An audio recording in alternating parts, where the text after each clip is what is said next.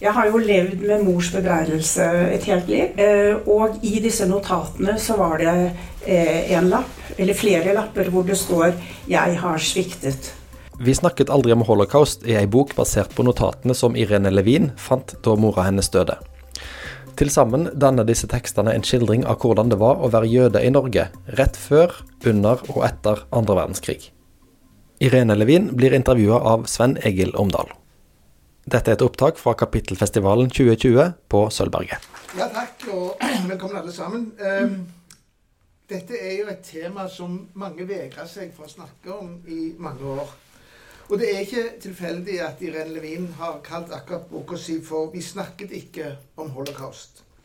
Dette har heldigvis endra seg, ikke minst takket være et stort antall bøker som holder levende en historie som ikke må glemme og som gir oss innsikt både i barbariets struktur og i de enkelte individenes skjebne.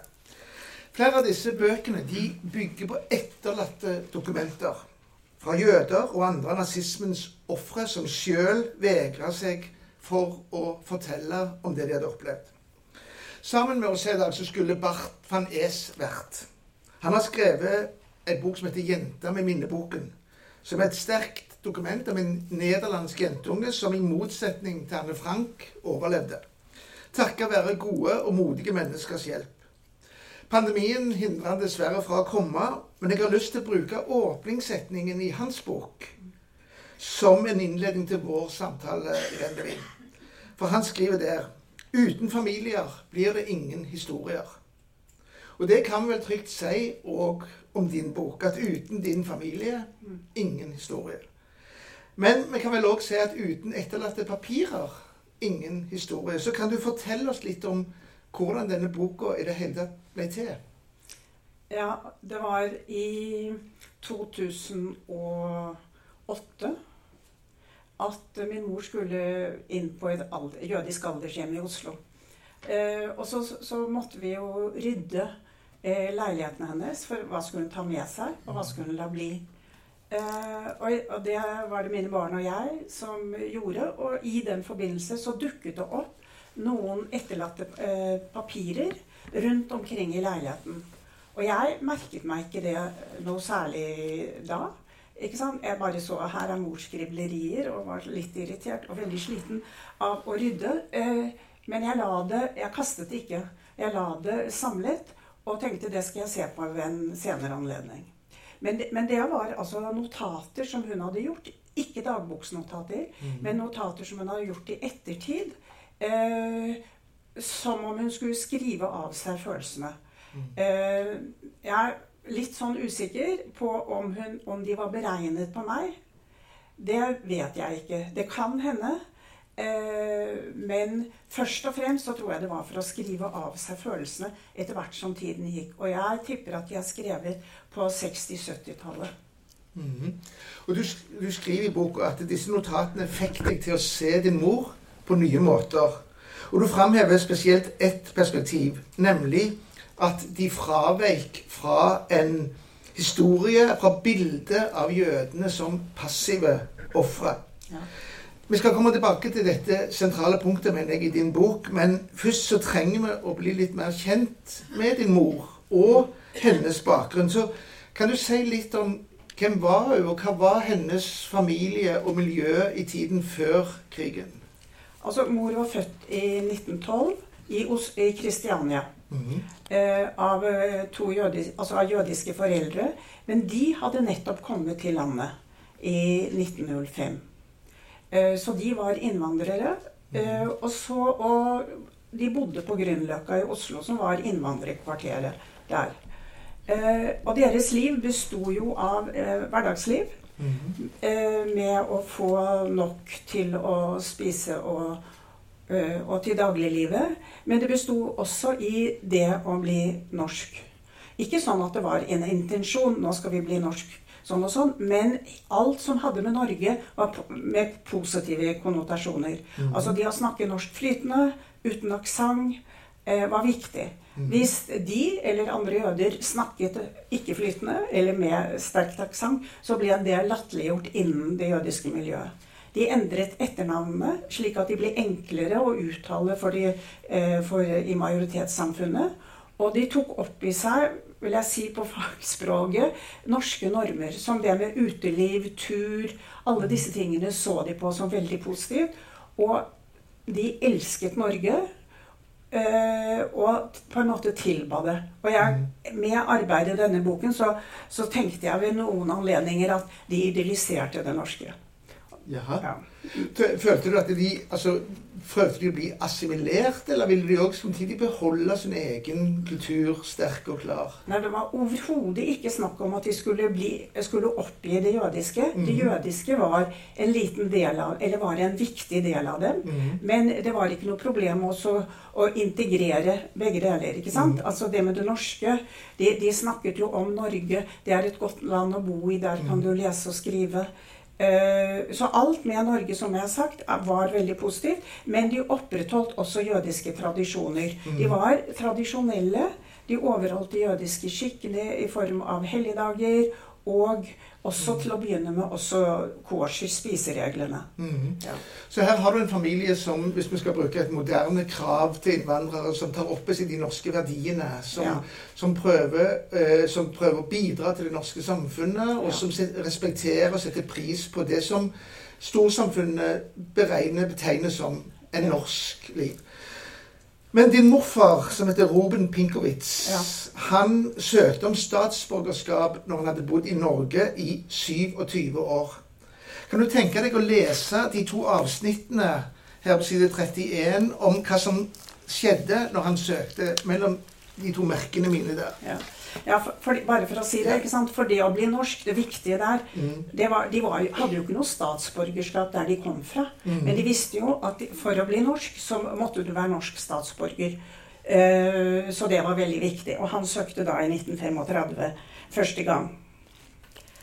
Uh, som omførselshandler, eller kramkar som det også het, hadde morfar på 1920-tallet livnært seg med å reise rundt på landet med varene i en sekk på ryggen.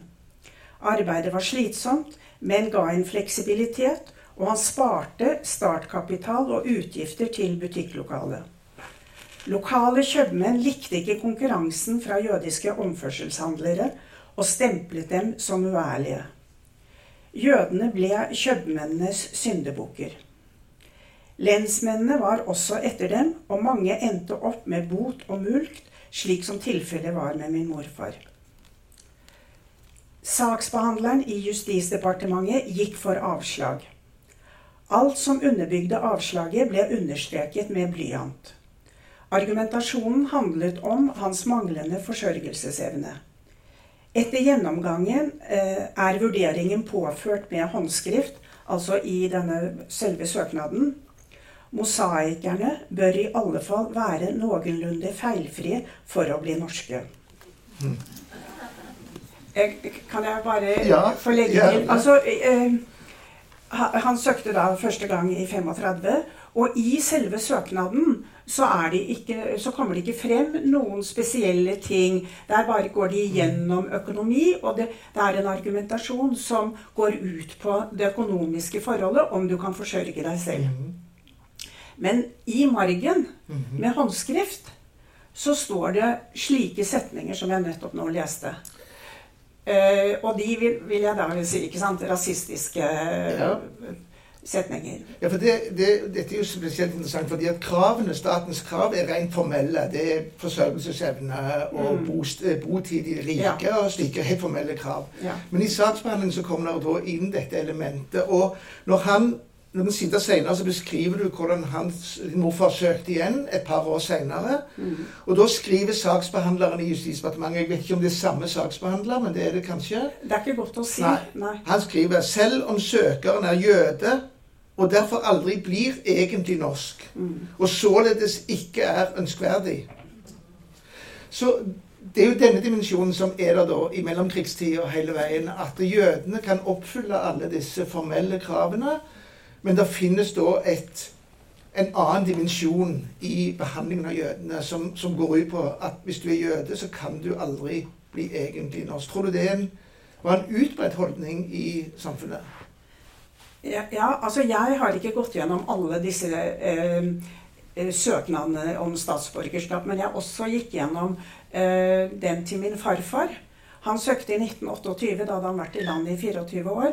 Og det var ingenting å si om hans økonomiske stilling. Og der står det i margen at det er ikke noe å si på denne jøden. Men pga. Eh, eh, eh, altså, vi ønsker ikke denne rasen inn i landet pga. deres handelsmoral. Eh, også, men han fikk, han fikk, statsborgerskap da etter 24 år. Mens min morfar fikk etter 29 år.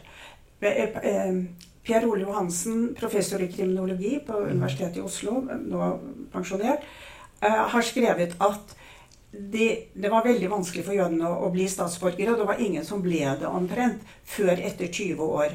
Mens mm. den gruppen som fikk lettest statsborgerskap, var svenskene, selvfølgelig. Mm. De kunne bli statsborgere etter fem år. Mm. Men jødene det var, Han kalte artikkelen da 20 år for en jøde. Altså det var minst 20 år. Mens min uh, morfar, så var det altså hele 29 år. Hvis du, hvis du tenker på det um hvor lett var det da for din familie og den andre resten av den jødiske minoriteten å samtidig beholde sin kulturelle og religiøse identitet, som, samtidig som de skulle være en så integrert del av storsamfunnet? De må jo ha levd i, et, i en voldsomt eh, dilemma. Altså, Dette jeg nettopp nå fortalte, eh, har jeg, aldri visst. Mm. Men dette kom frem da jeg gikk inn i, på, i Riksarkivet i forbindelse med denne boken. Og jeg tror mor visste ikke. De fikk jo ikke noe svar. Når Trygve Lie sendte avslag til min morfar, så var, var det bare at søknaden er ikke innvilget. Eh, og så når de ble innvilget, så måtte de love Norge troskap. Mm. Men, men, slik at de visste ikke det. Og jeg konfronterte en norsk jøde som lever, men som levde den, Solveig Levin, som er enke etter Robert Levin. Og jeg viste henne disse papirene, så sa hun jeg er sjokkert. jeg er sjokkert. Eh, men hun sa også at når en fikk statsborgerskap, så var det fest. Altså ikke i, ikke fysisk forstand at man festet, men alle var glade, og det var noe man bemerket, liksom. Nå var en blitt statsborger. Å, det var fint. Og så, mm. sånn. Jeg har lurt veldig på hvordan de innrettet seg i mellomkrigstiden. For det var helt klart antisemittiske holdninger eh, ute i befolkningen. Mm. Og min mormor fortalte f.eks. For at Eh, hun kunne gå på torget og kjøpe egg. Og da var det en torgkone som sa ja, før i tiden så var det bare jødene som prutet, men nå gjør alle det. Det mm. syntes vi da var kjempemorsomt. Mm. Eh, jeg tenker om det sånn at de skapte seg et lite rom mm-hmm. for seg. Og de var sammen med sine egne. Da ble ikke disse holdningene eh, konfrontert. Mm. Uh, og hvis de forholdt seg til dem i dette, lille, dette lukkede rommet med sine egne, så forholdt man seg til dem med latter.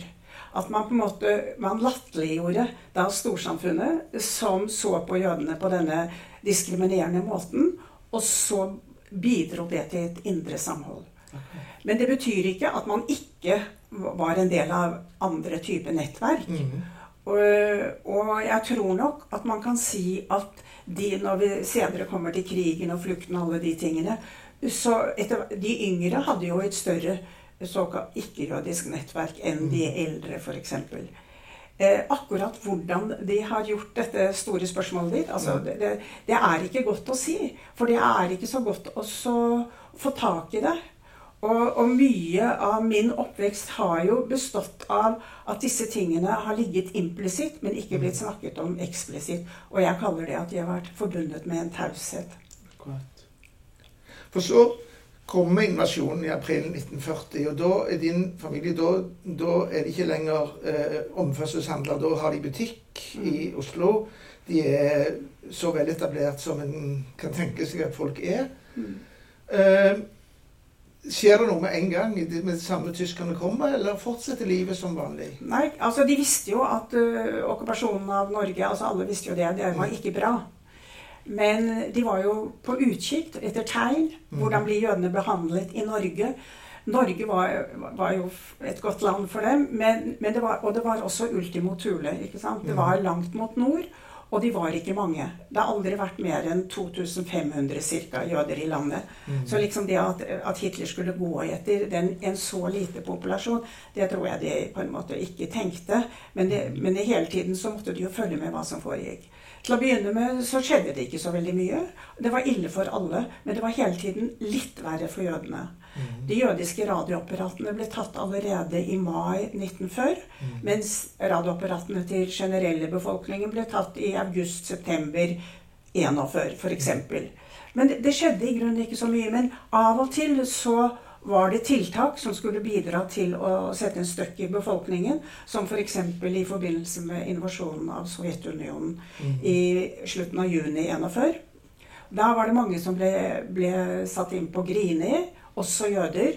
Og samtidig ble også alle jødiske menn i Nord-Norge arrestert. Forskjellen er bare at når man da ser det i ettertid, så ble de alle, alle de som ble satt inn på Grini, og, eh, og andre ikke-jøder, de ble sluppet fri. Mens jødene i Nord-Norge var fortsatt uh, altså var på sydspissen fangeleir, og senere på andre leirer rundt om i landet. Slik at da kan man se i ettertid at det var verre for det som skjedde med jødene. Men for mye så var det litt sånn at ok, eh, to måneder på Grini, det kan vi alltids klare. Slik at du venner deg til undertrykkelsen litt etter litt.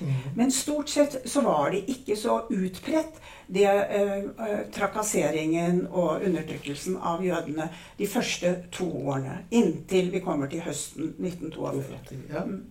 Og da er det sånn at Boken til Bart van Nes den handler om hvordan ikke-jødiske nederlendere skjuler spesielt jødiske barn, eh, i noen tilfeller i årevis. Enten ved å inkludere de i sine egne barneflokker, eller ved fysisk å gjemme de i kjellere og loft. Etter hvert som presset mot jødene i Norge, da er det jo spesielt i Oslo og Trondheim, de byene hvor det er flest jøder, når det tiltar um, hvordan var din familie og det, det, deres jødiske omgangskrets forhold til resten av altså Var det folk rundt de som, som beskytta de, som forsøkte å hjelpe de på noen måte? Altså det, ja, absolutt. Mm. Ellers hadde jeg ikke sittet her. Mm. Eh, eh, altså det er veldig viktig å være klar over at inntil 26.10.1942 så var det liksom til og fra, men, men ikke så veldig ille. Eh, men 26.10 så skjedde tre ting. Det ene var at alle jødiske menn i hele landet skulle arresteres, og, altså over 16 år. Det andre var at jødisk eiendom ble konfiskert, eller likvidert, som de kalte det. Vi skal sikkert snakke om det om litt. Og det tredje var at de jødiske kvinnene fikk meldeplikt på den nærmeste eh, politistasjonen hver dag. En gang om dagen. Um, og da, rett før det, så, så kom det et rykte. Mm. At noe kom til å skje. Og ryktet, skrev mor de, på disse lappene, eh, ryktet gikk på at, eh, at jødiske menn skulle bli sendt til arbeidsleir. Hva arbeidsleir var, og sånn, det visste man ikke, men man visste selvfølgelig at dette ikke var bra. Og da gikk far i dekning. Mm. Det så, og så startet på en måte en slags flukt. Men det som var det store punktet, som Mm. altså du vil ha frem, det er eh, i, i, i min familie, det var jo at vi hadde noen veldig gode naboer som var familien eh, Follestad. Mm. Som jo er faktisk den familien som I samme familie som de Follestad forretninger med herrekvipering i dag. Eh, fru Follestad hadde allerede snakket med sin mor. Altså Det var en nabo som tok affære, ikke sant? som var bekymret for, for mine foreldre, uten at mine foreldre hadde noen som helst anelse om dette. Eh, og, og hun hadde gått til sin mor, for hun ante at moren drev på med noe illegalt, kanskje, og sånn, og sa at hun var så bekymret. Eh, og, og moren svarte 'kom med han'. Det var hele tiden snakk om han, det var hele tiden snakk om menn. Slik at da, da mor skjønte at far ikke lenger kunne være på Hadeland i dekning fordi at det var flere ting som tydet på at han ville bli angitt, eh, og han ringte en gang om dagen hjem til henne, så sa hun 'du må komme hjem'. Da var det at familien Follestad sto på døren og sa 'vi hjelper'. Og da, og da, skje, da startet en kjede av hendelser som ikke var bestemt på forhånd. Den ble stemt i situasjonen. Det ene førte til det andre. Eh, men starten var fru Follestad. Eh, og på et eller annet tidspunkt i denne kjeden så kom de jo i kontakt med noen som, som var aktive i hjemmefronten. Men det, det, dette var altså en flukt som startet ganske tidlig etter at mennene ble, skulle bli arrestert. Og det er veldig viktig at når man ser på hvem som gjorde hva, og hjemmefrontens rolle, så er det viktig å se på hvilket tidspunkt snakker vi. Mm. Uh, uh, så, så, det, så, i denne kjeden uh, så kommer da på et tidspunkt så kom man i kontakt med Kristine Bonnevie, den første kvinnelige professoren på Universitetet i Oslo, og hennes nevø Harald Bonnevie Bryn. Og Harald Bonnevie Bryn var, hadde kontakter i hjemmefronten og var aktiv, og ble det etter hvert mer og mer. Eh, og han var helt eh, vesentlig for det, det som skjedde videre. Han brukte sin familie, altså Bonnevie-slekten, og venner. Det du gjør selvfølgelig når det er en stor fare, det er at du, du kontakter personer du kan stole på. Mm. Og det er familie og venner. Uh, og så var de da i dekning. Og så ble, de, ble uh, Finn Nilsen, som de var hos, som var en venn av Harald Bonnevibry, Og så uh, ettersøkt, og så måtte de videre. Uh, og de, så kom de et sted hvor mor mente at de var glemt. Og da er det mor, altså som, som norsk eh, jødisk kvinne, som tar kon kontakt med legen, deres familielege, og lager en historie om at far holder på å ta sitt liv, eget liv. Og det var på en måte eh, nesten en kode. Og legen skjønte med en gang at, hva det var snakk om, og la han inn på psykiatrisk klinikk. Slik at eh, det som er mitt poeng, er at eh, ja, hjemmefronten var delaktig i det som videre skjedde, og at det endte bra. Men, men det var også nabo, mm. og det var også venner, og det var også eh, jødene selv. Det pågår jo en debatt utløst av boka til Marte Nichelet om hva mm. hjemmefronten visste, og når de visste det. Men eh, når du kommer så langt som til oktober 42, så var det jo klart for hjemmefronten var, at jødene var spesielt utsatt. Er ditt inntrykk at, at jødene ble prioritert f.eks. i fluktruter i, i, eh, når en skulle plukke ut hvem som først skulle eh, bringes i sikkerhet? Nei, altså det, Nei. Mm. Ikke så tidlig som i oktober. Mm. Men etter hvert som tiden gikk, og så mm. kom jo 26.11., mm. hvor alle, eh, alle jøder skulle arresteres, inklusiv barn og kvinner. Eh, etter 26.11. så ble fluktene og hjemmefrontens rolle noe annet. Mm. Da tok de initiativ, og da var flukten organisert på forhånd. Da mm. var det at man fikk en eller annen eh, nyss om at man skulle møte på det gartneriet. Mm. Eh, og der, derfra så gikk det eh, busser. Eh, slik at det var, det var, en annen type flukt enn den flukten som var tidlig etter at mennene ble arrestert. Men hjemmefronten var i veldig mye av flukten. Av, flykt, av flykt, de fluktene som, som, skjedde fra Nå snakker jeg om østlandsområdet særlig. Ja. Ja. Uh, så de var med, men det var ikke organisert av, av dem. Det, det er også viktig å være klar over at det, eh, en del jøder, ikke mange, men en del, flyktet av hadde ingen penger. Altså det, som regel så måtte man betale noen ting. Og det var jo noe av det som utløste den eh, diskusjonen og, og etter Marte Michelets bok også. At det, det, ble skjønnsmessig vurdert hvor mye man måtte betale. Mine foreldre betalte 2000 kroner. Det var en halv årslønn uh, for sin flukt. Mm. Uh, uten at det noen gang har vært snakket om som noe negativt eller på noen som helst måte. Uh, men det var noen som ikke hadde penger, og ikke kontakter. Slik at de bare satte seg på sykkelen og syklet, eller på andre måter kom seg til Sverige selv. Slik at det er en veldig stor variasjon når det gjelder typer flukt. Og som sagt, så etter mitt skjønn så er det veldig viktig å være klar over når i dette hendelsesforløpet eh, vi snakker om. Okay. Men et nøkkelpunkt i din fortelling det er det som skjedde med din morfar og din mors forhold til dette. Ja.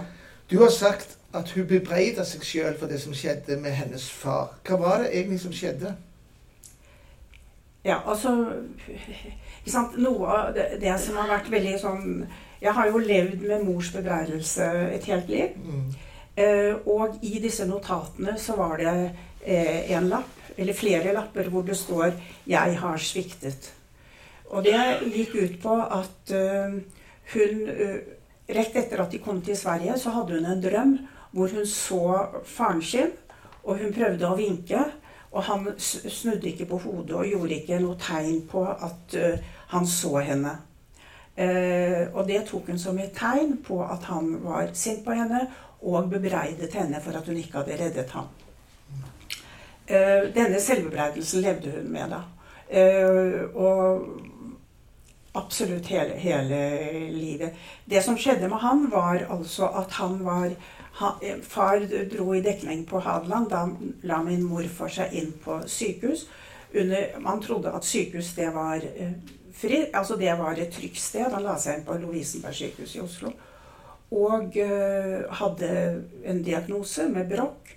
Og og så ble han altså arrestert den dagen før Donau, den 25. november. Og så ble han sendt med Donau da, den 26. Mm. november 1942.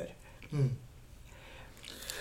Mindre enn uh, tre måneder etter at Donau forlot Filipstadkaia, så uh, med 532 norske jøder om bord, så ble du født i Norrköping i Sverige.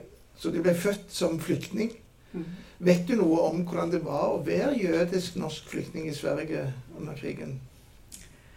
Egentlig ikke så veldig mye. Uh, jeg har funnet ting som jeg har uh, uh, Altså i det svenske riksarkivet. Altså Jeg har vært opptatt av, det, av denne altså Snakket de f.eks. i Sverige om det som hadde skjedd? Snakket man om flukten f.eks.? Man kan tenke seg hvis man har gjort en tur, eller sånn, så snakker man om det etterpå. Når vet du hva, Sånn var det, eller sånn. Mm. Det, det, skjedde ikke. Selv ektefeller som flyktet på ulike tidspunkt, snakket ikke om sine respektive flukt. Mm. Uh, slik at det var ikke noe tema. Og det, var, og det, var, heller ikke noe tema, for det var ikke nødvendig. For det var likt for alle. Mm.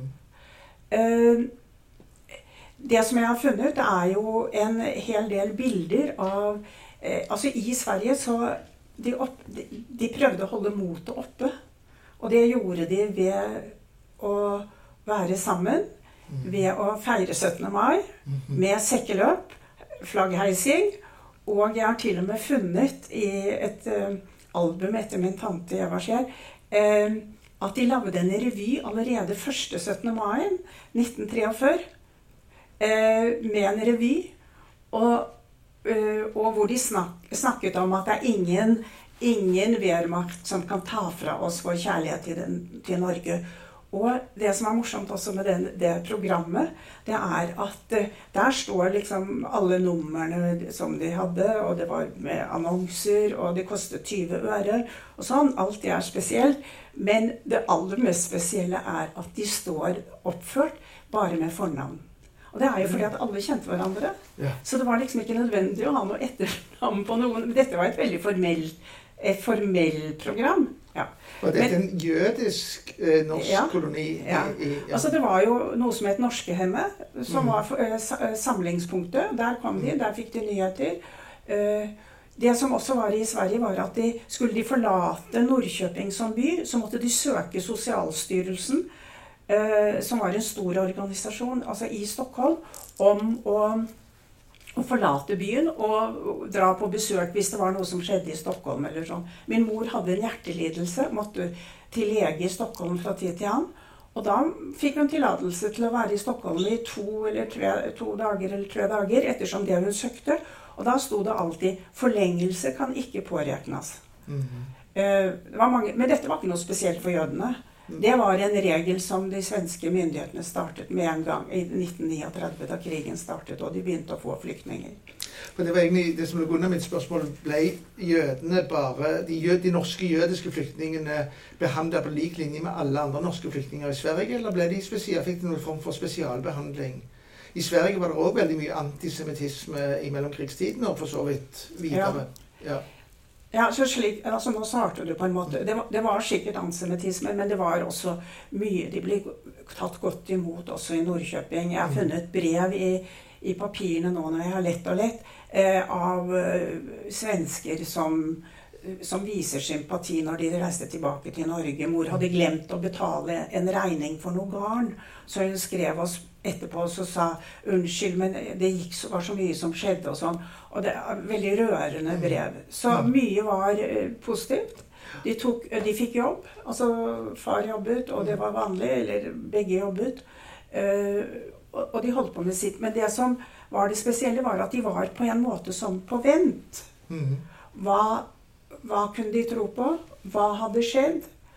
Og de var jo ikke sikre på noen som helst måte hva som hadde skjedd.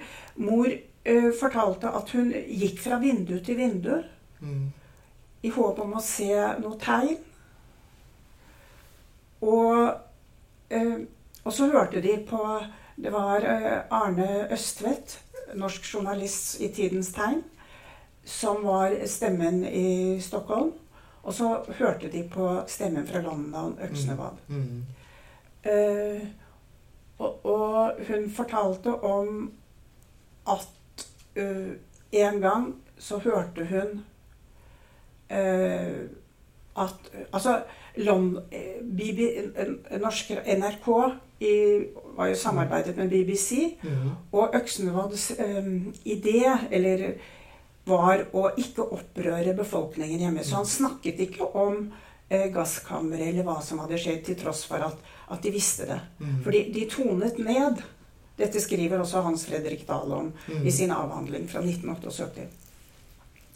Men på en gang så, fort- så sa Øksnevad eh, Refererte han fra Aleksej Tolstoy, som var da en eh, familie med den kjente Leo, eh, om da drap på jøder i Øst-Europa. Akkurat det vet jeg ikke, men jeg tror det er det mor må ha hørt. Og det var da i september-oktober 1943. Og da skrek hun så høyt at naboen, ikke etasjen over, men en etasje over der igjen, kom ned og sa hva er det som har skjedd. Mm. Og fra det tidspunktet så sluttet hun å overholde de jødiske skikkene. Eh, fordi at hun hadde en idé om at Gud kunne ikke være til stede når noe sånt kunne skjedd. Slik at hennes uttrykk var Gud hadde noe annet å gjøre på det tidspunktet. Sterkt. Hun, eh, din familie hadde, de hadde butikk, de hadde en leilighet, eiendom, eh, møbler som de måtte forlate. Hva skjedde med, med det som de forlot i Oslo? Ja, altså det var jo da eh, ikke sant, Fra 26. oktober så var eh, alt jødisk gods, kan du si, Mhm. det var statens eiendom. Mhm. Altså den nazistiske staten. Og det ble laget en stor organisasjon som kalles lik- likvidasjonsstyret. Det var et styre som, som var overordnet. Og så var det eh, Og hver eiendom, eller hver enhet, det ble kalt et bo. Og så var det en bobestyrer. Slik at en rekke personer i Norge fikk da ansvaret for eh, å, å ta seg av det boet. Og, og, og da, da Da likviderte de, kalte de det. Det, så, det minner om en eh, konkurs. mm. Men forskjellen er jo at en konkurs det er jo bare handler om økonomi. Dette var jo ledd i en total intetliggjørelse. Mm. Eh, Og jeg spør, jeg spør fordi at når, ja, skal- når freden kommer, de kommer tilbake Ja. igjen, hva kommer de tilbake til? Nei, ikke sant? Så da var jo tingene eh, Da var tingene plassert først i Det var to samlesentraler. Møbler i en og småting i en annen. Når de kom tilbake, så måtte de gå ned til de samlesentralene og så se om de fant tingene. Og så, eh, hvis de ikke gjorde det, så var det da solgt på auksjon. Mm. Og da måtte de selv at De hadde retten på sin side, mm. men de måtte selv finne frem til det. Så f.eks. mor spiste jo, den var solgt på Hamar, og han ville ikke gi den fra seg, for han hadde jo betalt for den. ikke sant, sånn. Så det ble en diskusjon, og de, alle de papirene alltid alt det ligger i, i Riksarkivet. Mor snakket aldri om det. Så kom rettsoppgjøret, det som Jo Sandnes kaller for det store oppgjøret. Og så kan en stille seg spørsmål hvor stort var det for jødenes del. Ja. Men da Høyesterett omgjorde dødsdommen over SS-offiseren Wilhelm Wagner, som hadde hatt ansvaret for registreringen av jødene, og som sammen med Knut, den norske politimannen Knut Rød Ja. hadde ansvar for arrestasjonen og deportasjonen, Mm. så skrev legen Bernhard Goldberg et innlegg i Dagbladet, og det som du gjengir. Kan du tenke deg å lese det som jeg har merka her, eh, Ja. fra dette innlegget? Eh, Goldbergs sentrale anliggende var hvilken beskyttelse Høyesterett ga jødene. El, og så, nå siterer jeg. Eller kommer ikke forbrytelser mot jøder inn under forbrytelser mot menneskeheten? Goldbergs avisinnlegg kom nøyaktig to år etter frigjøringen, og han fant det nødvendig å påpeke at ingen annen befolkningsgruppe hadde betalt så dyrt for sin frihet som den jødiske. Norge hadde vært et, et av få steder der vi jøder nesten glemte at vi var forskjellige. Da tyskerne kom, selv da NS tok kampen mot jødene opp, da merket vi at agitasjonen falt død til jorden hos våre landsmenn. Han fortsatte. Jeg tror jeg tør si at vi ikke har plaget dere med vår sorg. For Goldberg var det uforståelig at Wagner, som personlig ledet arrestasjonene, kunne bli mildt behandlet. Om det hadde vært hedmarksbønder eller en bygd i Rogaland, hvor alle kvinner og menn, barn og oldinger var blitt behandlet slik, ville Høyesteretts dom blitt en annen? Og ville ikke indignasjonen, redselen, vært levende hos alle? Er vi allikevel bare jøder? Mm. La oss da vende tilbake til eh, utgangspunktet vi snakket om, det handlende mennesket i forhold til det passive offeret. Du skriver hvordan jødene etter krigen ble kritisert for ikke sjøl å ha tatt større ansvar for sin skjebne. Og du skriver veldig sterkt og gripende om ditt mors traume fordi hun ikke klarte å gjøre mer for sin far. Men hadde din mor og de andre jødene noen grunn til å bebreide seg sjøl? Nei, altså du, du, må skjelne mellom menn og kvinner. Mm. Fordi at de, de, mannlige ble jo arrestert, og det var jo forbudt å vise seg på gaten etter 26.10.1942. Spørsmålet og kritikken som har oppstått, det er jo av, de, av kvinnene Hvorfor eh, reddet ikke kvinnene seg? De måtte jo skjønne hva som kom til å skje med dem mm. eh, da mennene ble arrestert. Men det er da jeg eh, mener, og har skrevet om det ikke bare i denne boken, men også andre steder, at hva gjør en mor eller en datter eller en ektefelle mm. når sønnen, faren eller broren er arrestert? Du drar ikke bare din mm. kos. Det kvinnene gjorde, og det er, har jeg dokumentert, det er at de prøvde å være der i tilfelle mm. de kunne mm. gjøre noe for sine menn. De mennene ble først sendt til Berg, først til Bredtvet fengsel i Oslo, og så til Berg ved Tønsberg. Og de dro ned til Tønsberg og prøvde å bestikke vaktene med mat og pledd og klær. Om de fikk det, det vet de jo ikke, men de prøvde. De prøvde de to dagene de først var på Bredtvet, å komme seg til Bredtvet. Kaste mm. pledd og, og varme ting eh, over gjerdet. Så kanskje deres kjære fikk det. De var der hele tiden. Men etter at Donau gikk da den 26. Eh, november 42, så var det ikke noe håp lenger, og da flyktet kvinnene. Mm. Slik at det har vært veldig viktig for meg å vise dette aktørskapet. Mm. Altså den aktiv handlende kvinnene. Eh, og eh, kontra det, den oppfatningen vi har hatt av jødene, at de bare var passive ofre og gikk mm. som kveg til slaktebenken. Men eh, Hvorfor tror du at folk hadde behov for å gi jødene i hele tatt ansvar for det som skjedde, når, når, når det ble kjent etter krigen hva, hva slags barbarisk system eh, holocaust var? Har jeg tid? Ja, ja, du har litt tid har vi. Kom igjen.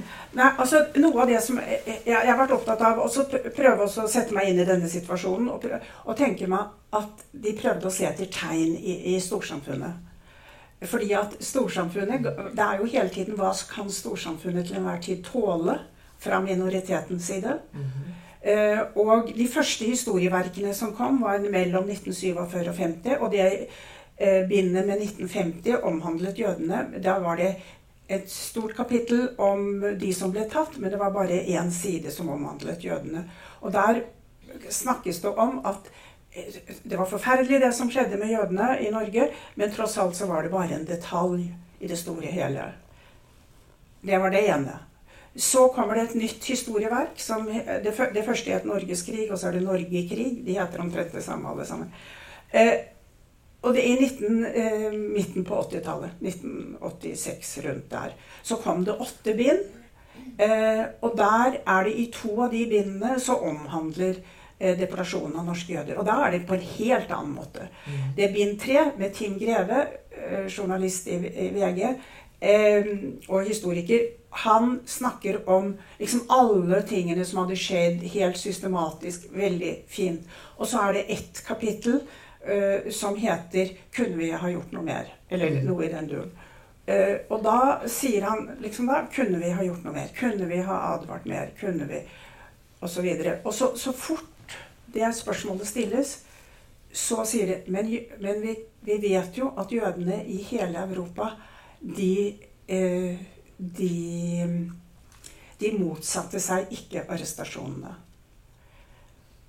Og, så, eh, og neste bind så er det også på samme måte Berit Møkleby skriver om at de jødiske politimennene eh, Stakkars, de varslet den ene dagen, men neste dag måtte de arrestere stakkars de som de hadde varslet.